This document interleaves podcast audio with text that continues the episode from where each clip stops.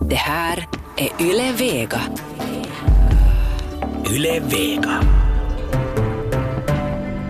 Hej och välkomna till Eftersnack. Det här är programmet där vi är uppe om veckan som gått och det är bara så roligt att vara här, speciellt när man har så här munter gök som Jeanette Björkqvist med i studion. Välkommen med. Och du var väl inte sarkastisk Nej, nu? inte alls. Jag sa att jag var alltså helt, så jag är helt så här lugn ser du.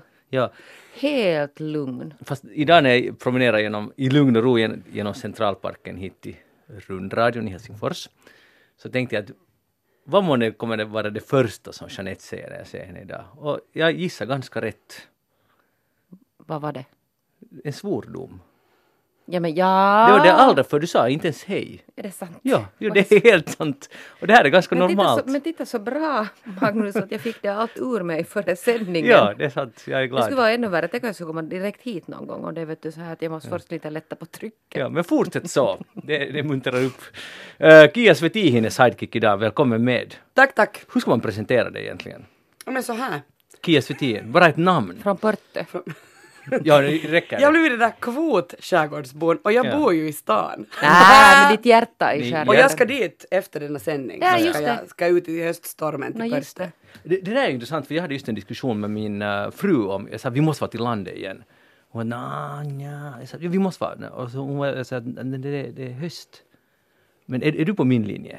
Ja, Hösten? men jag, är alltså, jag bor ju typ ha- halva min, min, min tid på Pörte, alla veckoslut där, alltid. Nåja. Jag älskar, alltså det bästa är att vara på hösten när det stormen går och man får sitta Ja. där inne. Ensam. Och, och så, nej, vi bor ju förstås alla syskon och syskons pojkvänner och deras band. Men kommer de alla dit på he- hela hösten? Jo, vi strider massor. Veckosluten igenom, jag har slut efter ett veckoslut för vi har haft så mycket drama. Är inte det riktigt sant? Men Dit det är ska jag ju nog det- inte fara. Nej, Men du det är ju- skulle inte tycka Nej. om det Magnus, jag skulle inte bjuda dig dit. Nej. Och Och, det är ju inte hade gjort det heller. Och det är ju det där, och det är ju inte innerskärgården riktigt på det sättet. att Det kräver ju lite sådär mod att fara ut i höststorm också dit. Men du är ju van. Jag är ju, alltså men vi har ju, vi skjutsar, det är ju hej gratis. Att få till Pörte, det har vissa politiker sett till. Ehm, så det är ju inte något problem, du kör ner till Kaxan bara så hoppar du på en båt. Men då guppar det sen när det stormar. Ja men alltså sånt kan man väl, alltså det är väl petitesser ändå i livet. Jag är faktiskt så kärbo, eh, mår jag, jag blir sjösjuk. Det här är en, stor skam för min far som är sjöman. Men det där, så här, så här läge, och min son har ärvt denna fantastiska sak. Han mår också illa när det gungar. Men jag är liksom jättebra på att låtsas som ingenting, för man måste vara lite coolare än det som kärbo. Men jag tycker att din farsa har all orsak att skämmas Mm. för att hans dotter må, är sjösjuk. Det är liksom, det känns sakligt på alla sätt. Jag tycker, och, och, min, Ja. och min guffar är, är fiskare och jag, jag kan inte tåla ben i fisken. Han har sagt till mig att det är det pinsammaste jag någonsin har sagt, jag får inte säga det högt. Nu säger det just i radion. Jag tycker inte om fisk för det finns ben. Tänk så löjlig jag är. Ja. Utmärkt, tack för det, det intro. Jag var faktiskt i Ekenäs skärgård i en äkta fiskebåt på tisdag det blåste nog faktiskt ganska mycket, men det var ganska coolt. Jag heter Magnus Lundén, programmet alltså Eftersnack. Vi ska tala om veckan som gått och inte bara om sherryn. Svenska Yle skriver att avundsjukan firar sin årliga triumf. Det var allt gällde gårdagen och skattetabellerna publicerades klockan 08.00. Alla medier i Finland skulle jag säga. Jag tror att den första var ute 08.02, det lär ha varit svenska YLE. Okej, bra jobbat. De öppnas 08.00 och sen ska det ut alltså. Så ska det snabbt ut. Nå men, eh, hur mycket tid har du Jeanette använt till att bläddra igenom den här? Nå de det här där, tabellerna? nå inte har jag nu ägnat ett helt dygn men nu, nu har jag tittat igenom. Nå, kan du eh, ge en objektiv, alltså helt, jag är bara nyfiken, hur mycket ungefär tid? Tid, i tid mätt. Ja. Nå det där, jag tittade ju på alla nyhetssändningar igår och de var ju fulla med, med, med det här och sen var jag lite kanske och tittade på interwebben och sen läste jag ju tidningarna i morse så kanske nå sådär eh, kanske två timmar. Okej. Det, kryddade du det med svordomar eller någonting, så här som du i morse mötte mig? Nej, men jag gjorde sen lite sån här egen research på vissa namn för att jag tänkte att jaha, det var ju mycket pengar och hur mycket månne den här personens företag har hämtat in och sånt här, Ja. lite sånt här eget sånt här som man gör normala människor. Ja, tala nu för dig själv bara. Det där kan man alltså, funkar men man kan inte någonstans söka på vem som helst. Så här på man distans, göra- man kan jo, gå dit. Nej, inte på distans kan man inte Nej. göra det. Men jag brukar ju det där, jag brukar ju tillbringa en hel del tid annars också där på skattebyrån. Jag, tycker, jag har till exempel utrett vad du har i Ja, inkomster och berättat det åt dig också. ja och- du ska kunna fråga mig direkt också. Ja, Det- det men nu, var jag hemligt. titta, men nu var jag och tittade där i, Ja. Och snoka snarare. Inte vet jag snoka men det där, man får väl vara nyfiken. Kia, har du använt mycket tid till det här? Nej, så inte alls. Jag tycker det är så ointressant. Alltså jag är faktiskt inte så intresserad. Och sen tänker jag att jag såg bara det där svenska Yles rubrik Paula Salovaara för nå 1,1 miljoner. Ja, alltså det, är, alltså det är ju inte förvärvsinkomst. Nej, utan liksom en e egendom. Så. Och så bara, äh, man blir bara avundsjuk. Jag tänkte så, jag tycker det är ganska ointressant att se. Men blir du avundsjuk? Nej, Om inte du läser ännu att på någon... henne. Alltså det är ju... Nej, nej, men visst, jag, jag vill inte alls tala om de här människorna Ah. här nu. Utan- Jag vill prata om människorna. Nå, okej, tala om människorna. För det som jag sen idag märkte jag att på den där svenska Yles-listan så fanns bland annat mina chefers inkomster. Så idag har jag faktiskt suttit och räknat ut vad de har för månadslöner. Nå, vad, skapar det avundsjuka hos dig nu? Nej men då vet ju, då, nej. Vad skapar det? För jag vet nog ungefär vad de har. Men det var ju ännu roligare att se det. Så, aha, hon sitter på den där lönen. Och borde hon inte ha mera? Så, så har jag lite funderat. Eller borde hon ha mindre? Antagligen mer än åt det hållet. Men jag tror nog att det är mera jag har tänkt. Men det där, det, det, det som var intressant att, att till exempel Li Andersson hade bara 75 000 eller något sånt här. Hon hade ganska låg. Vem sa du? Li Andersson. Ja, Li Andersson, ja. och, och det tycker jag så här, det, det kändes bra. Att, att jag, så här, hon, hon, hon står liksom, hon är på riktigt, hon är ärlig. På vilket sätt är hon jag tänker så hon är vänster, hon tycker inte att man ska göra massa fyrk på att vara i, liksom, i, i, en politiker. Hon, hon, hon är tydligen, så, jag vet inte, så Det kan man... låter helt jätteirrationellt som du säger nu. Alltså vad baserar du det där Jag tyckte, jag tyckte det var jätteskönt att säga att hon hade så här dåliga inkomster. Dåliga 75 ton, det är ju bra. Nej men om du tittar på de andra politikerna Men vilka så politiker har tänker de du väl, på? men ta någon, ta någon annan i hennes, man måste i så fall då se någon som skulle vara på samma nivå. Alltså man kan ju inte jämföra med Sipilä. Nej. Eller med Niinistö. Nej. Utan man måste ju kolla då. Men alltså ta då någon Touko Aalto, inte vet jag. Han har ju ingen inkomst alls nu. Men Nej. alltså från, eller han har säkert sjuk, sjuk, sjukpeng.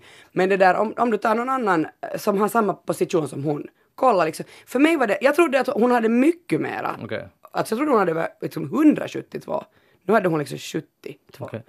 Jag förstår. Jeanette, var du avundsjuk? Blir, eller blir du avundsjuk? Nej, jag blir inte alls alltså avundsjuk. Jag tycker bara att det är intressant. Och sen det där så kritiseras det, det kommer ju stryk alltså, så att det bara flänger kring, kring öronen på, på det där alla journalister varje gång det är alltså den här dagen om man gör undersökningar så ifrågasätter man sig själv och diskuterar för den här alltså diskussionen.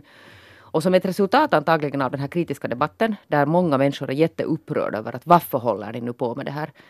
Så hade finska Yle igår försökt göra en sån här lite liksom annan approach. De hade kollat att hurdana slags sådana här, såna här nya, ganska färska företag till exempel att hur hade det gått för dem och vem hade liksom, på vilka nischer hade man lyckats och, och, och nu kommer jag inte ihåg liksom alla de här exemplen men de hade liksom lite försökt titta på sån här, mera sån här trend liksom att, att vad är sådana här branscher som man kan potentiellt alltså göra göra pengar på. Jag tycker att det liksom kan tjäna också som ganska såna här inspirerande exempel.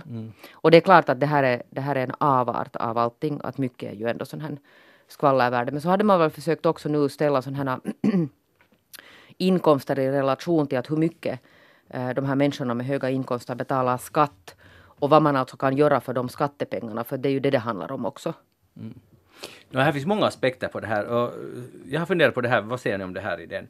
Uh, för det finns ju en viktig offentlighetsprincip och det är också ganska bra i ett transparent samhälle att man vet ungefär vad löneutvecklingen är, män versus kvinnor, vilka branscher som vad chefer får och speciellt sådana som är off- offentligt anställda tycker att det är jätteviktigt. Det finns många fördelar, liksom, argu- motargument tycker jag som är jättehållbara.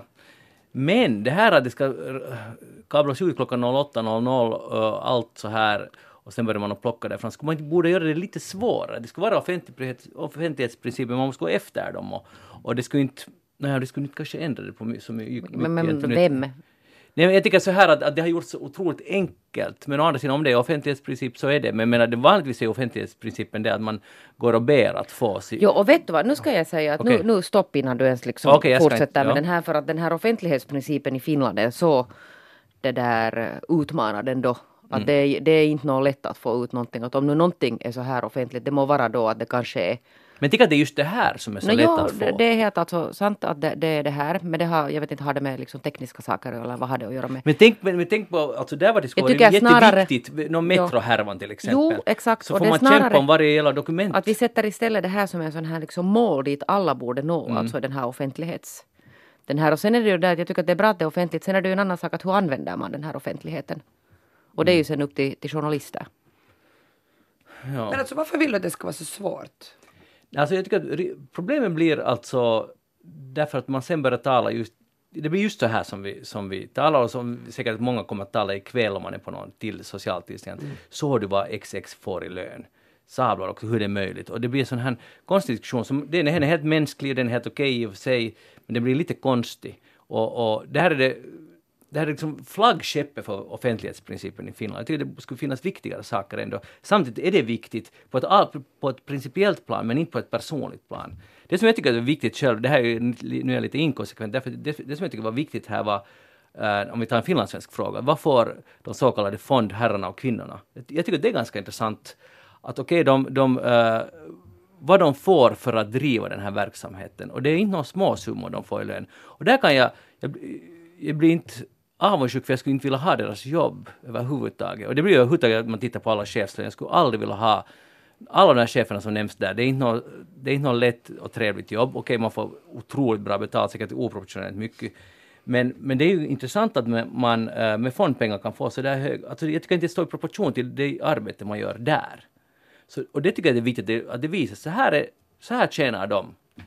Och, och när någon förening söker om 250 euro så får de 150 euro. Vet ni den här logiken? Och det är helt bra att det ställs till sin spets där. Men har ni problem så här att öppet prata om till exempel löner? Alltså varför tjänar du? Varför, ah, Okej, jag har det här. Vad har du tänkt på det? Alltså, Jag skulle inte tala här, men jag skulle tala med, jag har inga Med problem att tala med kompisar. kompisar eller Nej, jag har varit med, alltså det kanske jag har berättat om tidigare, vi var, gjorde ett sånt här löneuppror i, för många, länge, länge, länge sedan på Husis.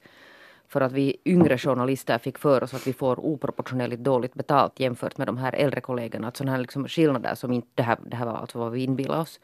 Och så gjorde vi ett sånt här löneuppror och, och uppmanade att alla hänger upp sina lönekvitton på dörrarna. Och de enda som gjorde det var alltså de unga journalisterna. Mm, tänk att det gick så. Ja. Men det där är jätte, det, tänk att det är sådär, uh, alla blir lite obekväma. De flesta blir ganska obekväma av den där Mm. Men det saken. har ju talats mycket om det här att man borde tala om sina löner nu för alltså, jag, jag, är det där, jag, jag kan med mina kompisar så är jag helt alltså, okej med att prata om, Ja. om min lön. Jag har liksom inga problem med det. Jag tycker man borde kunna prata om det. Sen tycker jag kanske inte alltid att det är så jätteintressant. Speciellt inte när jag har kompisar som är så här, på höga poster. Så jag kan inte höra på det här skryt om hur mycket fyrk de har. Det är liksom Har du så såna intressant. kompisar? Jag vet det är konstigt att de är vänner med sådana som mig. Men, men de är, äh, men kanske inte vi träffas så ofta mer. Men alltså det där... Men folk som skryter om sina inkomster är ju ganska ointressanta. Ja men det är oftast är det sånt här skryt som inte alltså, alltså det, det är liksom ett klagande på att jag har så dålig lön, jag har bara det här. Alltså det är ofta människor också Ah. som jobbar i, i, i privata sektorn som, som liksom kan vara helt sådär, ja men det här sitter jag på men så får jag ju alltid de där bonusarna. Och det är nog ett, jag tror jag ett led i, jag menar jag jobbar ju för staten, jag kan ju liksom, vi kan inte, jag kan inte jämföra mig med Mm. Jag, men jag, jag jobbar inte för pengarna, nu låter jag nog som en riktig humanist, men det är sant. Jag, jag jobbar ju nog hellre för att jag tycker att det är kiva att jobba, man gör ju det fan varje dag. Förutom på lördag och söndag, ibland Det, också. det, är det, där, det är lätt att säga när månadslönen kommer in. Kan man säga. Ja, Som, fastanställd som på. Yle. Ja. Ja, ja, det, ja exakt. Var Det är, då, försiktig det, är med vad du säger. vara, det är då man kan vara idealist. Ja, då kan man bara sitta och skratta Ja. hela vägen till banken. Vi skrattar här nu åt dig med, med Jeanette. Det där, ja, uh, okej, så i- du, du hävdar ingen avundsjuka, men du hävdar, att den är viktig, den här principen. Men det Jeanette. tycker jag nu verkligen. Att det ska pu- publiceras och frossa i privatmänniskors... Men det, han hade ju om att frossa, vem är det som frossar? No, alla medier frossar, vi frossar. Ja, frossar. Men jag tycker nog faktiskt att det där medierna har blivit bättre på att försöka på något sätt att framställa... Ge bakgrund. Ge bakgrund och liksom sätta det i perspektiv på att varför är det viktigt och varför är det intressant och, och hur liksom paketerar man in det här så att det blir... För alltså det har ju länge varit förstås så här att det är bara listor och listor och listor och, och sån här skvallervärde, vilket jag nu alltså det där inte förnekar att jag också tycker att det kanske finns. Men jag vill ännu återkomma, om jag får säga om den här lönen, alltså tala om löner högt. Så det, det, finns ju, det var någon forskning här för inte så jättelänge sedan som talade att det enda sättet att att komma åt sådana, sådana löneskillnader på arbetsplatser är det att man börjar tala öppet om vad människor har för lön. För att det är det enda till exempel du kan jämföra dig med en kollega att, att varför har den tusen euro mer i, i månadslön än jag som gör samma jobb. Att på det sättet kan man sen komma åt också till exempel eh, löneskillnader mellan män och kvinnor. Och, sådana Och där saker. är ju de som har bra betalt borde vara föregångare. Och oftast är det ju de män. eh, och om jag skulle vara anställd någonstans på, en, på en arbetsplats, så det där skulle jag inte ha något problem, för man har ju ingenting att förlora egentligen själv. Och det är någon sorts solidaritet att visa Ja, det är ju på ingen det här. som Så du snackar ni någon om mig. Jag, jag har Ja. ju så här. Så här bra bäddat har jag, har jag det. Ja. Jag menar, då tycker jag faktiskt man kan väl prata om det. Ja, ja. Jag kan prata om det, men jag vill nog inte prata om det nu. Nej, nej. Vi, Tvinga mig inte det nu. Nej, inte kan jag göra, det heller, men, men okej, eh, det är ju faktiskt idag den dagen där ni, ni kvinnor ska sluta ta emot lön, för att nu har ni tjänat alldeles tillräckligt det här året. Enligt statistiken, rent statistiskt så är det eh, mannens euro fortsätter rulla på och er slutar just idag. Och det har blivit bättre sen i fjol, för i, fjol var det den 31 oktober som det slutade. Så det, det går vansinnigt hårt framåt. Jag tror, jag tror inte att löneskillnaderna är så stora alltså mellan könen inom journalistiken. Jag tror inte, jag är inte säker. Nej, men nu talar vi om hela Finland. Ja, om hela Finland. Och särskilt den här Tehy till exempel, den sektorn, de hade gått ut med något eget upprop här idag. Nåja, det var det om skattetabellen. Det här kommer att fortsätta nästa år. Blir det samma diskussion igen? Men du sa ingenting om hur du själv, alltså hur mycket konsumerar du det här? Eh, ja, just det. Jag tittar, jag skulle nu säga, vad ska jag säga, mellan ungefär 17 minuter. Tänk att du kunde säga liksom. Ja. Så jag tänkte inte, det var, var det 20, det var inte riktigt 20, det var mer än en kvart. Men jag räknar i min tid räknar jag med att jag tittar på hela nyhetssändningen. Ja, det var ju det. annat också. Ja, för jag tycker att det på riktigt är ganska ointressant. Jag tittar just, just som du, lite chefer i egen bransch, jaha, jaha, jaha, och sen tittar jag fondherrarna och damerna, då, då blir jag lite indignerad. Men annars så blir jag att, ah, ja, oh, mm, jaha, just så. Alltså jag tycker att det är re- relativt ointressant, helt på riktigt. Men samtidigt är det nog bra att det finns, men jag skulle, jag skulle vilja att det skulle finnas en mellanväg. Jag vet inte riktigt, jag kan inte riktigt definiera den. För att, det- och sen blir det lätt diskussion, någon, någon efterlyste på Eftersnacks Facebook, att kan, kan vi inte visa vad vi gör, hur mycket skatter de betalar istället Men för hur det mycket de gjorde förtjänar. flera mediehus igår. Ja, det, fann, det finns ju den option man kan titta hur mycket skatt hade betalats. Och, och sen är det ju viktigt att också se hur kapitalinkomst beskattas annorlunda än förmögenhetsinkomst. Det är ju så här konkret att nu ser man att ah, det lönar sig att få kapitalinkomst. Och det är ju en viktig diskussion. Så, men den, den bara diskuteras, eller egentligen diskuteras inte, framförallt händer det nästan aldrig någonting. Så, så i princip så skulle det finnas underlag för debatt eller löneskillnad mellan män och kvinnor. Här finns allt, Men nu allt tycker finns. jag nu att det, jag tycker att det är nu att ta i att påstå att det inte gör. Nu följer det ju sådana här diskussioner. Den där skattedagen går liksom den här hårda, hårda spiralen. Men nu brukar det ju föras diskussioner. Mm. Som nu kanske inte alltid leder någon vart. Men. Vi går vidare. Gröna väljer tillfällig ordförande. Pekka Haavisto versus Outi Alanko-Kahiluoto. Uh, Alanko-Kahiluoto kommer själv inte vara på plats. Pekka Haavisto kommer uppenbarligen vara, han har just kommit hem från, var det nu från Zanzibar eller varifrån han kom. Eritrea. Uh, Eritrea, ursäkta. Det där, i alla fall, och nu, vem, vem, vem blir vald? Nå, Haavisto blir väl. No, ja, det skulle jag säga sådär som jag sa, jag, Magnus här innan sändningen också. Att det där, man vet aldrig med de där gröna. Det kan nog hända att, att, det inte är så självfallet. Så där utifrån sett så, så tror man ju att det, är- att det är Haavisto, Haavisto. ja. Men Jag tycker det är så konstigt alltså faktiskt. Vilken? Uh, varför det, det är så att man liksom väljer den där trygga och no, det är inte, tråkiga jag tycker inte valet. att det är jättekonstigt nu i den här situationen. Nå, kanske när det är så utmanande position. Och den är så kortvarig. Ja. Man kan inte alltså, det tycker jag att, att många av de här som har tackat nej har reflekterat Mm. också att det är inte vad de behöver nu just i detta läge. Jag, jag, jag fick lite så här som, som då när man alltid kallar på Teemu Selänne i ishockey. När jag, det var alltid så att huh, skönt, nu kommer han. Han räddar Ja, oss. 40, 39 år eller vad- hur gammal han var. Och sen jag satt på, tittade lite på Havis, så det gick en sån här trygghetskänsla. Att där är nu ä- äntligen något som är som förr. Och, och att det här bara gick nu över på en sekund, men att det, det kändes liksom konstigt sådär, fast jag är inte, jag är inte grön, medlem i Gröna och så vidare, men jag har ingenting med saken att göra. Men när jag såg hans face där och tala lugnt på två språk så ja, ja, nu, nu är vi tillbaka i trygga spår. Så det, så, och sen, nu utan att alls, jag känner inte så mycket till vad Alanko Kahiluoto har gjort eller gjort, eller jag vet att hon sitter i riksdagen och så vidare och gruppordförande, men eh, det konstigt man kan få, som inte är baserat på fakta, utan bara på en känsla. Känsla. Ja, ne- ne- Känsla, ja. jag, för jag tycker, det måste jag säga om, om det här med min Kahiluoto, det är det att jag känner inte alls till henne, men jag läste idag, mm, när jag kom till jobbet så läste jag att, att, att eh, hon är litteraturvetare till Mm. utbildning och hon vär, värmer, nej vurmar, Vurmar. Vur, värmer upp, vurmar för de här liksom, kulturfrågorna och då var jag ju sådär, oj vitsig, Mm. vilken dream, eh, dream girl, liksom att hon är hon är då, grön, bryr sig om naturen, klimatet. hon, hon är liksom, hon är en kvinna och hon bryr sig om kultur.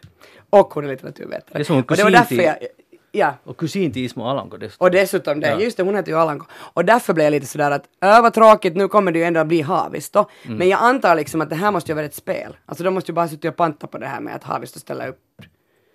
Svårt att säga. Men det där, jag, hur, det, hur det är möjligt, man vet så lite, eller man, vi, vi kan nog bara tala för oss själva här. Att, för att jag gjorde samma, jag började läsa på, och då blev jag också imponerad av hennes meritlista. Att wow, att här, just som... Vilken kvinna! Ja, och allt det du sa om kultur och, och hon har varit forskare länge och så vidare, det här är ju fräscht. Men där sitter hon och jag, jag har inte vetat nästan någon, det, det, det är pinsamt. Men jag tänker sådär att, att hon måste ju liksom ha veta att därför är hon där i Japan på sin familjeresa och inte kommer hem. Mm. För att hon, ja, så här, det här är alltså min spaning. Så därför att alla vet att det är Haavisto som kommer att få det. Så därför att alla fick den här trygghetstanken, känslan du fick igår. Boring! Ja, Mm. Ja. lite boring, men samtidigt kanske jag kan förstå det. Jag menar, det, det är väl inte världens mest attraktiva jobb just nu. Nej, och det är tillfälligt. Nej, och där är två val på kommande innan de väljer sen alltså en ny ordförande och där tror jag ju inte sen att Haavisto är med utan han är nu den person som man kan sätta in på en sån här kort Ja, Och så de tycker vet att att det- klara debatterna och Ja, och det tycker jag att det är helt smart tänkt av dem för att man kan inte slänga in nu någon i elden. Att det behövs någon som är stabil och sen drar man det fram till sommaren. Och han har ingen prestige, han behöver inte fortsätta med det här. Han kan sen fortsätta med sitt eget. Men har vi varit nöjda med den här, äh, den här, vad heter hon nu, hon som nu har varit istället för Maria Ohisalo. Ja. Ja, Hon verkar sådär, hon verkar liksom också ganska sympis. Ja, hon är ju fattigdomsforskare, hon är ju alltså extremt kompetent människa. Men jag, har- min frä- främsta bild av gröna har ju varit tycker jag, att de har tappat greppen under de senaste åren. Man tänker hur högt det var. eh, och, och de har dalat, de har varit lite suddiga och så nu har de ganska kort tid nu att fixa ihop paketet igen. Men nu, nu har det ju gett ett ganska svagt intryck den senaste tiden, senaste halvåret. Så att jag tror att det finns nog jobb för Haavisto. Och det, och det ju, på det sättet så tror jag att Jeanette, du har verkligen rätt att, att, att det här är strategiskt smart tänkt och han har just som du sa, det var bra, att han har ingen prestige. Han kan helt bra, okej jag fixar det här nu och sen går jag vidare, det är helt okej. Att jag har ingen ego som jag behöver liksom Nej, men han har verkligen ingen ego. Han skulle också ställa upp på den här konstiga Kekkonen äh, presidentvalet där liksom Niinistö direkt gick vidare. Han han bara där och leka. Nu är han igen med bara så det är inte så viktigt liksom, vi behöver ditt ansikte. Mm. Hej Jeanette, USA håller på att invaderas. Har du hört om det? No, jag såg någonting där på Eftersnacks Facebook-sida. Nyhetskälla nummer ett. ja. ja. Vad säger du nu? Är du orolig? Nej, det där, nej. Det är alltså en, en sån här karavan med, med immigranter som är på, emigranter som är på väg från olika länder i Sydamerika. Promenerandes genom Mexiko ska de nu invadera USA. Eh, President, jag tänkte, säga, jag tänkte säga president George Bush, men han är ju faktiskt inte mera president utan Donald Trump. Tänkte du säga nästan tyvärr också. eh, Nästan så att man längtar tillbaka till George Bush. Ja, ja, det skulle vara så tryggt och bra om han skulle vara där. Nej, i alla fall. eh, eh, så han tänker nu, eller han har redan skickat 5 000 trupper och kan eventuellt tänka sig att skicka 10 000 till. Men har ni sett bilder på de här som möter de här?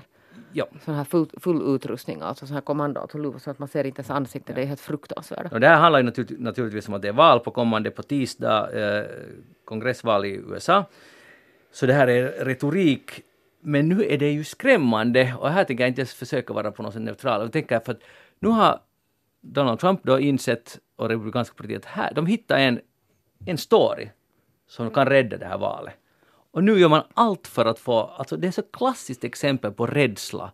Piska upp rädslorna, hotbilderna, så kanske det här valet ändå går helt okej. Han har ju sagt att ni ska inte vara rädda, ni ska vara mycket, mycket rädda för de här fruktansvärda människorna som kommer, de här fattiga människorna som söker liksom bättre liv. De ska vi vara mycket rädda för. Och, och, och just det, och det kan finnas terrorister bland dem, eller det finns och sen när de frågar finns, har du bevis på det? Nej, det har jag inget bevis, men, men det kan finnas. Så, så, och, och så har de publicerat reklam, tv-reklamer som är extremt aggressiva, måste jag säga. Uh, och, och nu, jag blir nog lite bekymrad över världens tillstånd för att för det här bygger bara, förlåt jag upprepar mig, men vi måste be, tänka på vad det här betyder. Det bygger bara på rädsla.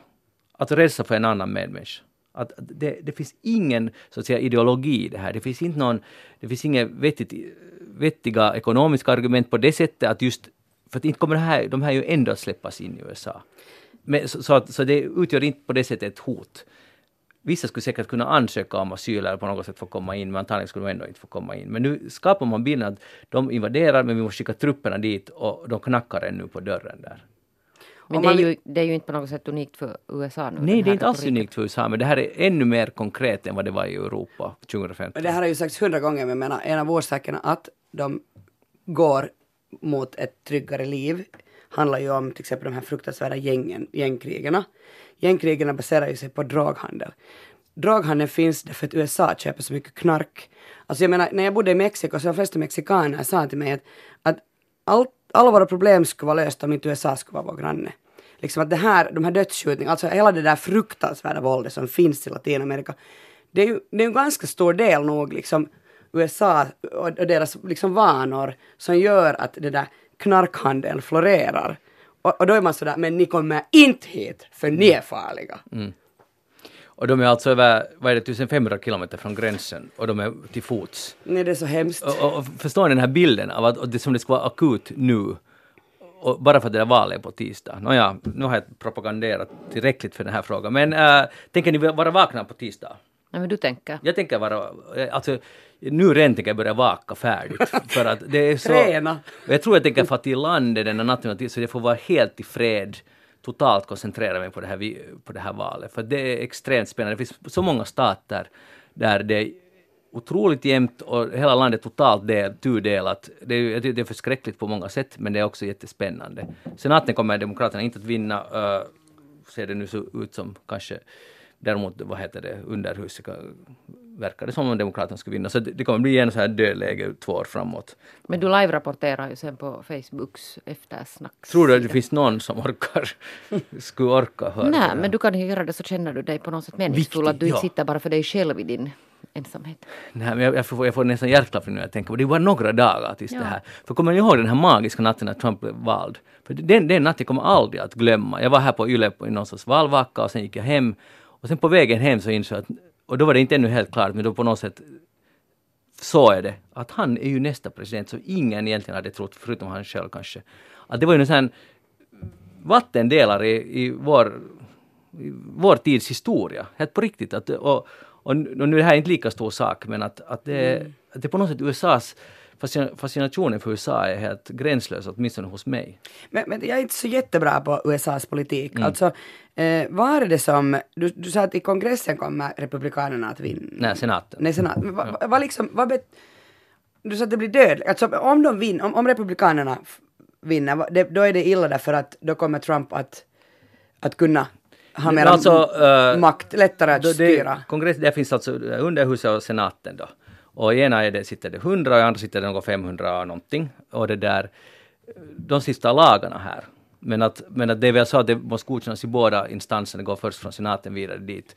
Så att de kan på ett sätt spela ut varandra. Så, så sen kan landet styras med presidentdekret och med också med hjälp av senaten. Men att om det är så att ena är åt ena hållet och andra åt andra så blir det nog inte så jättemycket lagstiftningsarbete gjort för att de kommer att blockera varandra. Så, så här, Och snälla, ni behöver inte nu skriva att det, var, att det går inte exakt till så där, ni alla som vet ännu mer än jag, men, men i alla fall eh, så det är relativt komplicerat, men presidenten har ju mycket makt i USA, så han kan styra med dekret också. Jag läste en, en, en, eh, någonstans en nyhet om att det är rekordmånga kvinnor som, som liksom är nu ak- aktiva för Demokraterna. För att de liksom på riktigt avskyr Trump så mycket. Och jag träffade på veckoslutet en, en ganska ung eh, kvinna från USA. Hon var hemma från Oregon. En min, en min kompis kompis flickvän. De bor alltså i USA, de var här bara på besök. Och där så frågade jag, hon- jag trodde så här hela tiden, hon måste vara så här Trump-hater. Och så frågade jag så här, men hur är det liksom att bo i- egentligen när De bor i San Francisco.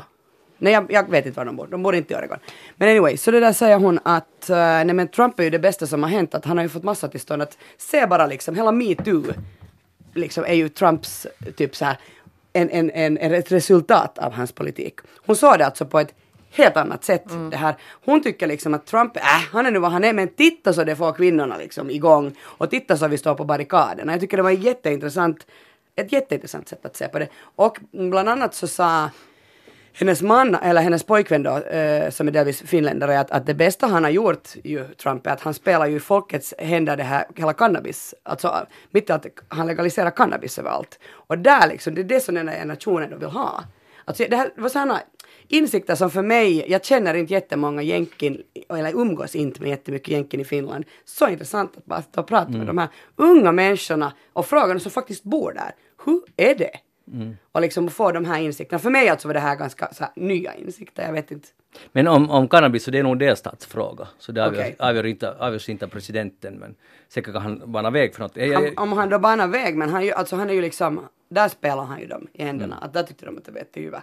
Det är bara så att ingen behöver skriva inlägg på vår Facebook-sida. Alltså kongressen består av senaten och representanthuset. Förlåt Magnus att jag frågar Ja. dig, men jag måste själv säga, jag är lite dålig på de här. Ja, ja, det var bra. Ja, ja. Men det som är intressant också, Demokraterna är ju också totalt splittrade för att det finns de traditionella Demokraterna, så finns det de som är mycket mera vänster och liberal radikala. Och, och det, här, det här partiet kan också bra sp- splittras småningom. Som nu, just nu är Republikanerna inte splittrade. Men här finns så otroligt mycket att titta på och fundera på. Men Jeanette, kommer du, du har svarat inte. Tänker du vaka eller inte? Nej. Nej.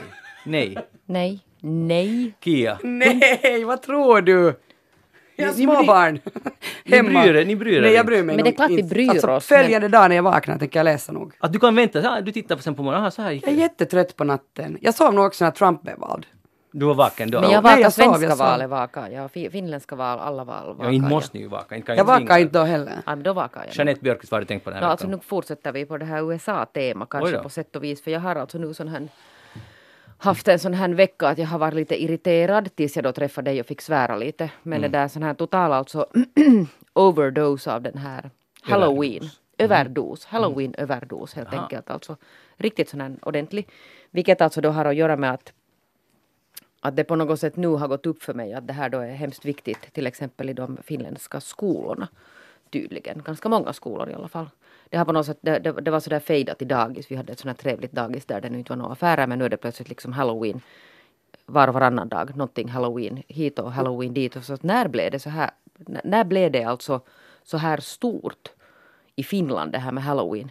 Enorma satsningar alltså. Igår kväll var det alltså halloween disco uh, eh, på skolan och så gick jag dit sen och hämtade mitt barn och tittade.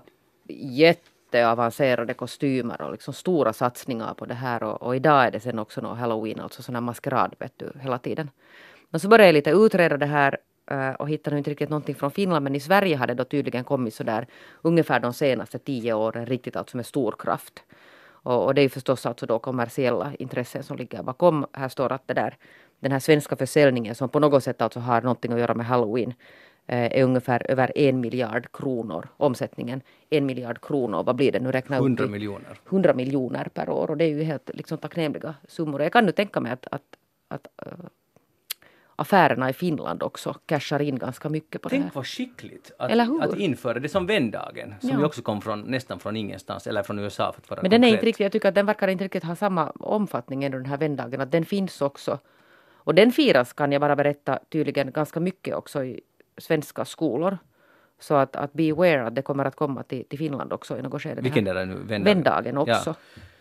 Jo, men Eller att man- alla hjärtans dag. Men det, eh, tänk att det ändå fungerar så där att, att det är ju inte en person Nej. som bestämmer att nu ska vi få in halloween, utan det finns på något sätt ett gemensamt kommersiellt intresse att det här skulle vi kunna införa, för det är ju inte någon sorts kulturgärning, Nej. utan det är, nu är det ju ganska långt styrt av kommersiella intressen, men sen finns det ju också någon sorts incitament att helt, det är ju roligt att klä ut sig och, och sen går alla med, alla är vi med i det här. Ja, och plötsligt men är sen det, har jag- är det en finländsk tradition. Ja, och sen har jag hittat bara det där sån här föräldrakritik i Sverige för att det- alla barn tycker ju inte att det är så jättefestligt med sådana här fruktansvärda alltså utstyrslar utan de kan ju bli ganska rädda sen om någon klasskompis eller någon skolkompis har klätt ut sig. Alltså, det, det finns ju riktigt vedervärdiga alltså dräkter. Så, och där har de då förstås de här känsliga svenska föräldrarna. Jag är lite sådär Oj. nästan benägen att det där hålla med för att inte det är nu så jätteroligt kanske. Jag är själv lite sån här, jag blir hemskt lätt rädd för sådana här Alltså. saker. Oj, Nå, nej. Kan du paja Jeanette lite? Nej. Nej men kan ni fatta att det finns barn som kanske inte Jo, tycker att det är så kiva liksom att gå till skolan och alla är utklädda till nå nå liksom zombier. Men, men sam- samtidigt så Men hallå, de är utklädda. Ja, och sen dessutom så tittar jag hittar på SVT som är pedagogisk. Så där är en amerikan som berättar åt svenskarna att vad gör ni fel i ert halloween? Eh, det här firande. Och för det första så är det då så att det ska firas 31 oktober. 31 oktober, inte som i Sverige och Finland, lite hipp som happ på var och varannan dag och, och lite liksom kanske hela veckan till och med. Det är 31 oktober, that's it, punkt slut. Och sen behöver man alltså inte vara skrämmande utklädd. Man kan vara alltså utklädd till vad som helst. Men här har det ju blivit i Norden det här att man ska se helt vedervärdig ut när man klär ut sig till halloween. Det är bara död och elände och zombier och vet ni så här sår som man kan köpa på, i butikerna som ser riktiga ut och allt möjligt. vilket behov måste det svara på? Jag vet inte. För Jeanette, du är ju sån som, du, du läser bara så här helt galna deckarromaner. Ja men de kan vara där blod. i boken. Jaha, men, men De det är ju här- samma behov, är det Men inte? de här styckmorden kan hållas i boken eller i mina kriminalserier. Ja. Och de ser du med glädje på läpparna? Ja. du på. Aha, Det är, som, det är som yoga för mig det här. Det som är bra är att du är alltid så konsekvent. det, är det uppskattar jag. Jag ifrågasätter nu den här halloween-traditionen. Men när är den där Black Friday? Det är väl... Eller, eller jag behöver inte säga när den är, för jag, det är liksom det mest idiotiska jag någonsin har hört om. Och, alltså, men det går väl också lite hand i hand med, det är konsumtion bara. Ja. Det är, det är också, och det är där det är ännu mer kommersiellt. Det är liksom riktigt Ett fruktansvärt. sätt att få folk att shoppa mera. Ja men jag har tänkt på det där, de där Men- galna dagarna också, det är ju riktigt sjukt. Va, vad är det här för Men inte måste du vara med i det. Nej men jag skulle ju vilja att, att man kollektivt skulle sluta konsumera. Så att vi skulle kunna tänka på klimatet. Jag förstår inte varför man har en sån här sådana högtider där, där liksom det är meningen man ska konsumera. Att man ska gå till ett stort varuhus och så ska man köpa så mycket som det bara lossnar. Jo, jo, jo, Det är så nu- absurt för mig. Om man ser på det utifrån så är det nog ganska... för, alltså jag hatar att, att, att shoppa. Jag, liksom, jag bara avskyr det verkligen. Men, men tydligen är du ganska ensam i det där. är jag det? Nej men alltså om vi ser hur mycket folk det är på galna Ja, no, ja, sant. Jag har börjat tänka så här liksom att eftersom jag har, jag tror att jag sagt det här tidigare i, i eftersnack, men alltså eftersom jag har familjemedlemmar som tycker om att shoppa så det där, de, de upptar liksom hela min familjs ekologiska fotavtryck. Jag kan inte köpa något. De gör en. Så jag börjar tänka samma, jag här kaveri som reser jättemycket.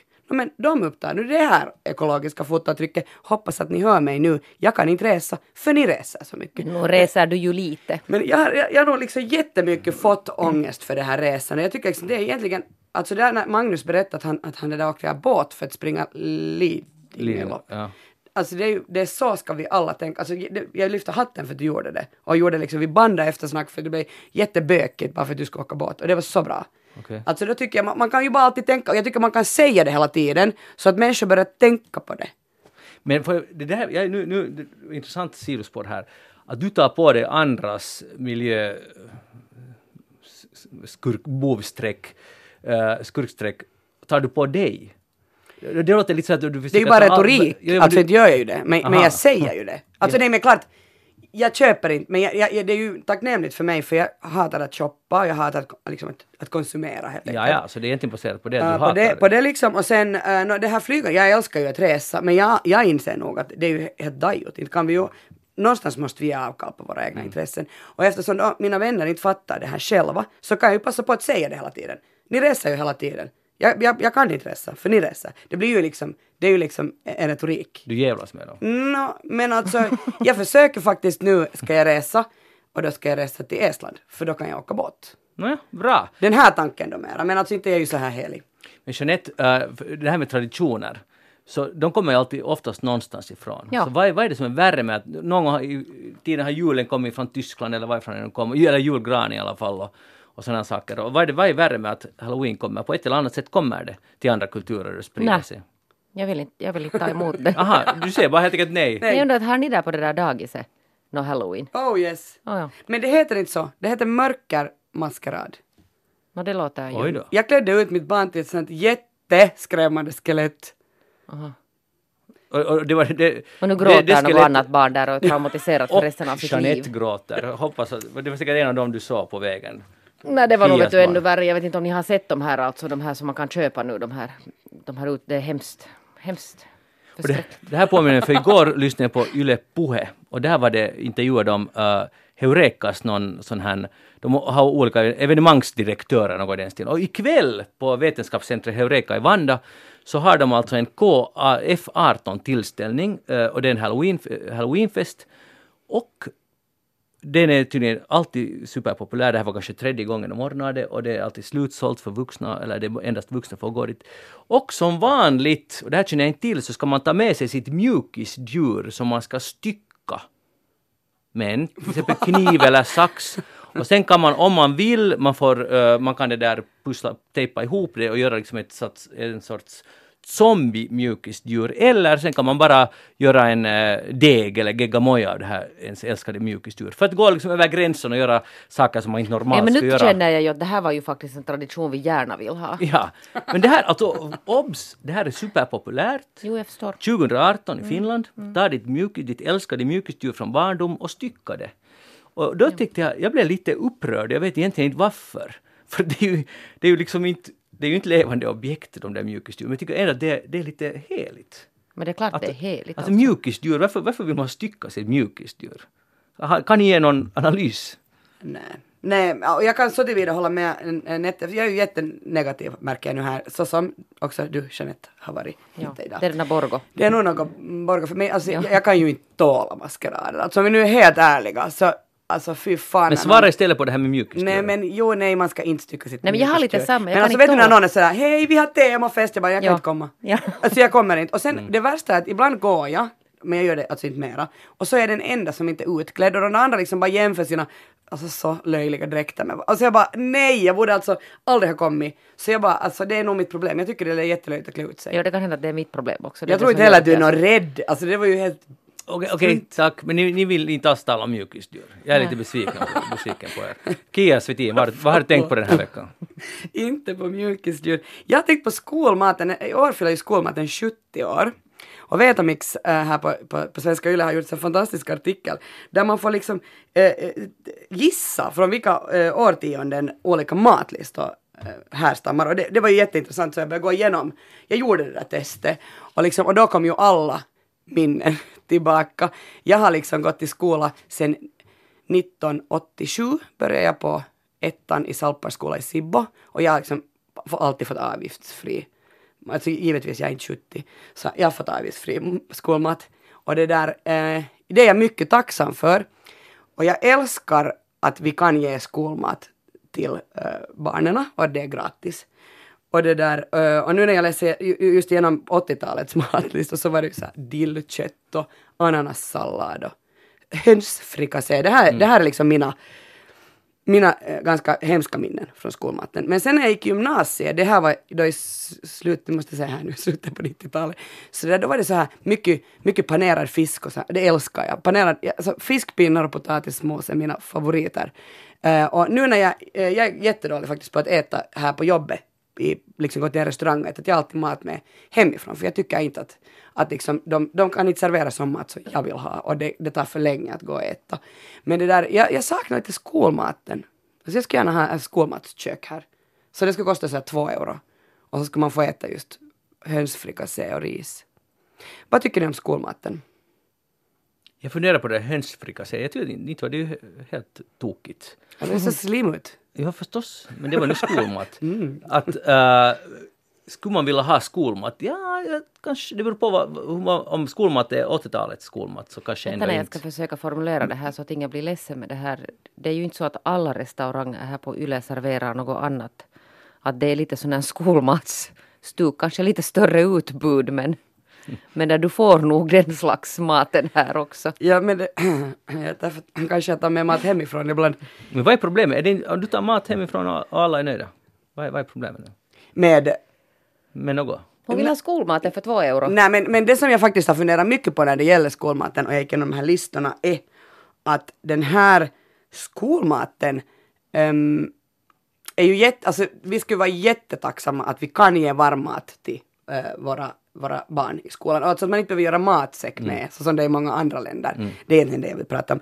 Eh, och när jag jobbade som lärare i en yrkesskola så alltså det var ehm, det var faktiskt att när det var jullov och, och sommarlov så får mest eh, barn illa, för då fick de inte mat alls.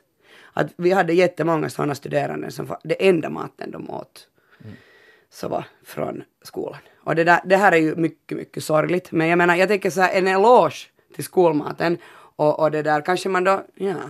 Alltså inte hade jag liksom, nu tittar ni på mig som jag skulle vara, att, vad, vad är din point här? Men min point är kanske den där att jag vill ge en eloge till skolmaten. Okej, det är bra. Bra. Det tycker jag är jättebra för att det, det, det skälls ju, eller det skälldes ända fram tills den här strejken då när, Ja. när många skolor var utan. För då, då insåg ju de flesta att det här var ju ändå ganska bra, verkar det som. I Och- alla fall så, så katastroftillstånd var det i samhället när inte barnen fick sk- skolmat på två dagar. Och sen tror jag att skolmatten, i det mån jag har ätit det, har blivit den är ganska mycket mer avancerad och mångsidig än den var när vi var, gick i skolan. Ja, men jag kan så- säga att i mitt huvud ringer bara den här köttalladoben som serverades när jag gick på dagis. Det det ringer där- fortfarande. Alltså det var så äckligt och det var en tid alltså när man måste äta. Och man spydde och man Men åt. det hjälper säkert om du nu går till Heurekas kväll och, och styckar ditt mjukisdjur det så får du allt ut ur dig. Men, men lyssna, på den, lyssna på den här matlistan. Och man kan alltid se från vilka årtionden den är, för den går ända till lördagen, så det kan ju inte vara så svårt att gissa att, då att det måste ju vara, det kanske inte var igår som den kom. Råggröt, mannagrynsgröt, köttsoppa, ärtsoppa, risvälling och korngröt. Men där ser man, tänk vad välstånd det har fört med sig. Mm. Alltså om, om nu går se en meny, så redan att de ska få gröt en dag i veckan så blir det uppror säkert. Både bland föräldrar och barn. Det är liksom, då, då ska man säga 40 eller 50 eller 60-talet. Nu vet jag inte svaret så du får nu inte fråga vilka det var som var rätt men jag skulle nog, ja, gissa kanske 40-talet. Vi låter lyssnarna gissa. Hej, jag, jag, jag, man måste alltid be om ursäkt, eller jag känner att jag alltid måste be om ursäkt när jag vill tala lite om Helsingfors. Och nu tycker jag, ursäkta, men nu tycker jag tala lite om Helsingfors, därför det är ju på gång en sån biljettreform här i kollektivtrafiken och, och zonerna ska göras om och, och när jag började studera det där, det var ganska lite snack om det men men uh, uh, nu är det så att nu ska de delas in i nya zoner som inte går enligt kommungränsen. Och, och det, jag har fäst mig vid en sak, att det finns en zon A som i princip är största delen av Helsingfors. Man kan säga att det är centrum utvidgat typ fem kilometer åt alla håll. Uh, så det är liksom inte bara kärncentrum utan det är nu innerstan men inte precis hela Helsingfors. Det heter då stadskärnan eller centrum. Kärncentrum är en sån här dubblering. Ursäkta, tack Jeanette. Och en svordom på den saken. Ja. Bra. Uh, Nåja, då fick vi det korrigerat i stadskärnan. Det är zon A i den här nya Helsingfors uh, kollektivtrafikskarta. Men det finns ingen biljett som gäller för endast i zon A. Så det här betyder att uh, man kan helt enkelt inte åka billigt mera för alla stackars Helsingforsbor. Utan vi Helsingforsbor ska nu betala för alla som Inte pendlar. gäller det väl bara oss, det gäller väl alla som besöker Helsingfors också. Jo, jo, men då kan man tänka sig att de pendlarna kommer från Esbo eller Vanda. Och, Besökare i Helsingfors. Ja.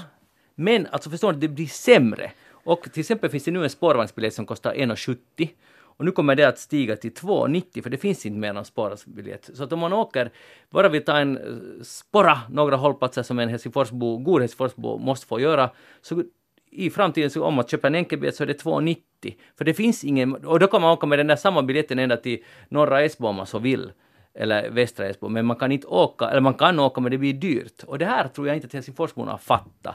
Och så tittar jag på på uh, hem, webbplatsen och där finns så här ofta ställda frågor. Och så har, så har de försökt svara på det här. Det här är ett jättebra exempel på nyspråk. Varför kan jag inte köpa en biljett för en zon i huvudstadsregionen? Okej, det är en berättigad fråga. Här kommer svaret.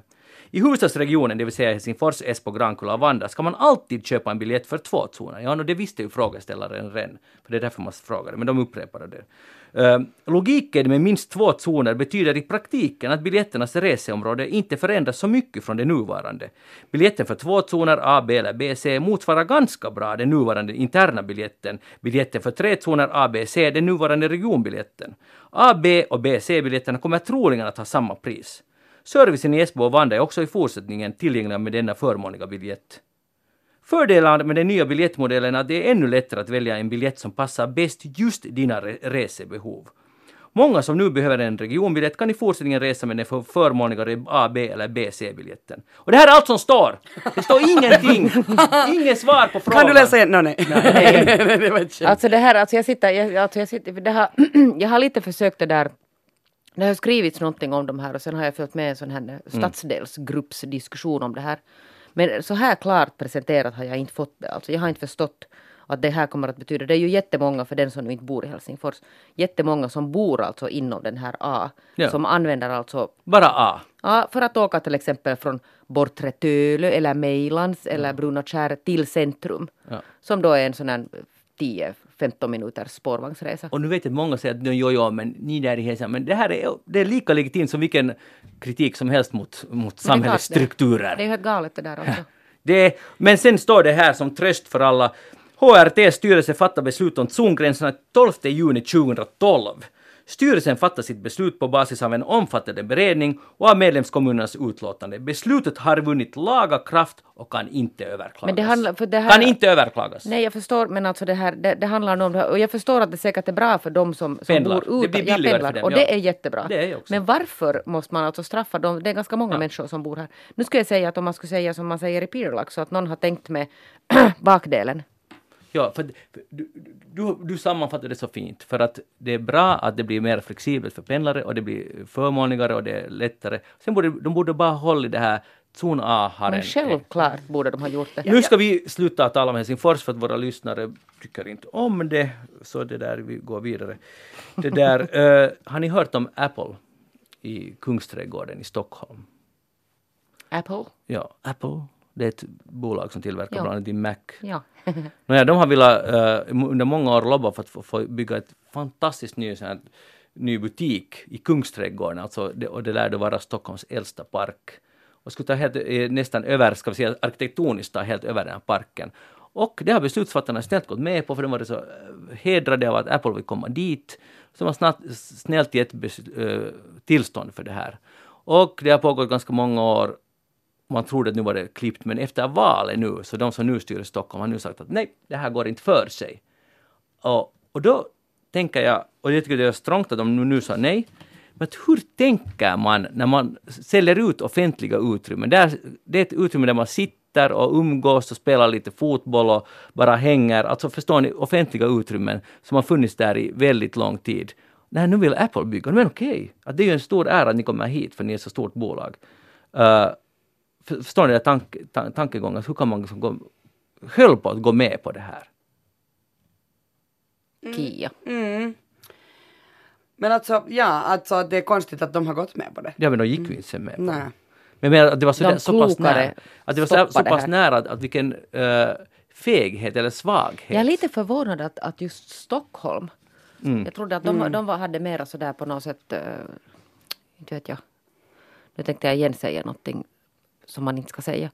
Men att de inte behövde böja sig så mycket för sådana här Mm. Men det kom nu ett nej i alla fall. Ja. Om vi, om vi fortsätter på kulturutbudet, det där. Jag har varit på teater två gånger den här veckan. Lyckligtvis, ska man väl säga. Först var jag på Hans och Greta på Svenskis. Där en viss Rico Eklund också är med som en viss Hans. Och det var ju rörande att se Hans där Var han på scen. fantastisk? Ja, han var alldeles otrolig. Men det var det också de andra på scen. Det eh, med glädje jag kan säga att det här är en pjäs som alla barn ska gå på. Ja, och man behöver kanske inte ens vara barn. Nej, nej, men man ska ta sina barn dit Jag tar något barn. För, det- för den var lekfull och jättefärggrann och ganska modig och det som humoristiskt, om man tänker den här storyn, är ju inte alldeles eh, snäll. Där brinner häxor upp och, och så vidare. Så det var ganska Jo, smart ska, gjord. Jo, och nu ska jag säga för att jag har då alltså ett barn som inte tycker så hemskt mycket om skrämmande saker. Hon är Mm. sju år och hon var jätterädd när vi gick dit och hon hade nästan sådär att hon inte ville gå dit. Och hon blev inte alls rädd. Så det är gjort alltså så att, att där är de här mörka sakerna men det är gjort på ett sätt som på riktigt alltså inte är skrämmande. Det är helt fantastiskt förverkligat tycker jag. Men då har jag en fråga, för jag ville jättegärna faktiskt gå på den. Eh, men så, så läste jag att åldersgräns för att ta med eget barn var sex år. Och då har jag den frågan, att kan man gå med ett, ett yngre barn? Det, jag tror att det där handlar också om att hur mycket man kan koncentrera sig. Den är ganska lång den där pjäsen. Att orka mindre barn koncentrera sig. Jo, den är, den är, jag skulle stryka den, men om jag skulle vara regissör skulle jag ta bort lite där från början. De höll på, när bröderna Grimm höll på att hoppa och sjöng där lite för länge, både i början och slutet. Så där ska jag plocka bort 28 minuter. Inte för att nu någon är intresserad av vad jag tycker om den här saken, men att det här, så här ska Just jag. Och så den, andra, den andra saken jag ville ställa när ni får vara experterna här nu, att jag tycker inte om det här när det var någon karamellkavalkad. Jag är hemskt mycket emot att man marknadsför karki till barn. Man kan nog inte säga att det här var någon sorts karamell marknadsföring. Nej. Okej. För det var ganska smart gjort. Nej, nej, jag tycker Men inte alls... karki, ex- det, det liksom är väl det där finns. Jo men det är mera den här, alltså, för, ja, men det finns ju Hans och Greta, alltså, det handlar om godis, det är mera den här färgerna, alltså hur man gör med de här föremålen där. Men det är ju alltså nog en te- barnteater nu så där man inte har sparat på krutet, det tycker jag är helt otroligt fint. Ja, faktiskt. Och mera sånt här. Och, man märker att de har satsat riktigt Ja. seriöst. Så det, och sen var jag på Lilla Teatern på Maria Browns äktenskap i, var det igår? Ja, det var igår. Premiär. Och det var också, uh, vet ni, jag fick så här Svenskfinland kan nog, när man riktigt försöker, prestera kulturupplevelser som är, lyfter sig lite. Och det, det var också saker jag skulle lite kanske förkorta och lite förtydliga. Jag blir alltid så råddig när saker är så här surrealistiska. Men ändå, som kulturupplevelse, så också det här rekommenderar faktiskt att gå dit. Bara för att det var inte mainstream, det var liksom en, en, en story som överraskar på många sätt. Och, och hela, alltså hela paketet. Men är du överraskad över det här? Att Svenskfinland kan producera? No, jag har kanske sett några pjäser på senaste tiden som jag inte var lika övertygad som var för liksom enkla. För... Men du har ju inte sett alla pjäser. Nej, jag har då. inte sett, inte, men ändå. jag vill bara, nu vill jag fästa på det positiva. Att tänk att det här, Han försöker vara positiv. Ja, och, och Positiv! Jeanette låter inte mig vara det. Att, att här finns, och det finns ju massa andra teatrar också, hela Svenskfinland. Jo, jag vet, men det här var det jag råkar ha sett nu. Så jag blir bara glad att det är så här. Ja. Ja, det finns hopp för scenkonsten, eller hur? Det, absolut, herregud. Det är klart, det, eh, jag tycker att Svensk Finland alltså faktiskt är jättebra på att producera eh, jättebra teaterpjäser. Men jag har inte sett någon där av de här som du pratar om. Inte ännu. Inte ännu. Har du sett någon annan bra teater? Jo, Den stora elden, herregud, den rekommenderar jag till alla. Virus. Den stora elden, den ska man se. Och där kom det också. Uh, sen finns ju teatrar också utanför Helsingfors, måste vi väl uh, tillstå här. Så vi ska återkomma Och till dem. kan- och vi är kanske på väg till en av dem. Vi, ska, vi är på väg, ja. år. Eftersnack kommer att dyka upp i Åbo här under, hoppas vi, in, un, inom ett år i alla fall. Så då Inom några månader skulle jag säga. Ska jag säga, se, inom ett år, gud så länge. Nu ska vi inte lova för mycket för vi vet inte något datum, men hej, i, det har varit i kvällstidningarna mycket snack om att vad tycker kändisarna om vintertid Ja, versus det är sommartid? jätteviktigt. De har gjort den alltså, men de har redan kartlagt partiordförandenas åsikt om den här frågan. Ja men också känd, Och nu alltså, kändisarna vanliga också. kändisar. Att, att, vad tycker du? Och där var bland annat Juhani Tamminen. Vad tycker du om... Vad tyckte? Vad tyckte för det, det bara flög förbi som ett liten vindpust. För att vem bryr sig? Men jag vill vara sämre. Jag vill inte vara sämre. Att, vad tycker ni? För jag, sen började jag faktiskt så inspirerande artikeln mig att att börja fundera, vad tycker jag? Och så tittade jag, när går solen egentligen upp om man skulle ha sommartid? Det som nu kallas sommartid, man skulle ha det året runt. Då skulle solen gå upp i, i Jeppis mitt i december, skulle den gå upp klockan 11, alltså Jakobstad, och ungefär kvart över 10 i, i Helsingfors. Och, och tänk att där man har varit i skolan till exempel i tre timmar, så börjar solen gå upp så småningom. Jag vet det är värre i Lappland. Men det här fick mig att jag är, om nu någon är intresserad, jag röstar för att vi ska ha permanent vintertid, för på so sommarhalvåret finns det ändå ljus tillräckligt för alla. Jeanette, vad tycker du? Jag har ingen åsikt i den här frågan, Jaha. men det där, jag tycker att vi måste lite anpassa oss till hur resten av Norden och Baltikum det där resonerar här. Och det har man kommit fram till i Estland också, där det plötsligt höll på att gå så att man har alltså en tidsskillnad. Jag, jag håller exakt med nu, eh, Jeanette, för jag tycker, jag spelar, det spelar ingen roll för mig, jag kan ändra klockan, jag blir inte så påverkad. Måste jag välja, välja vintertid, för jag tycker det är den tidszonen vi hör till. Det är det normala. Jeanette Björkqvist, tack för att du var med i Eftersnack och vi möts igen i svordomarnas tecken om en vecka. Nej! Kia Svetihin, tack för att du var med. Uh, ha, ha en riktigt bra höst och så Tack. vidare. Jag heter Magnus Lundén, programmet alltså Eftersnack. Vi hörs igen om en vecka. Ni kan gå in på vår Facebook-sida facebook.com eftersnack eller e-posta oss på eftersnack yle.fi. Hej då, ha det bra! Thank you.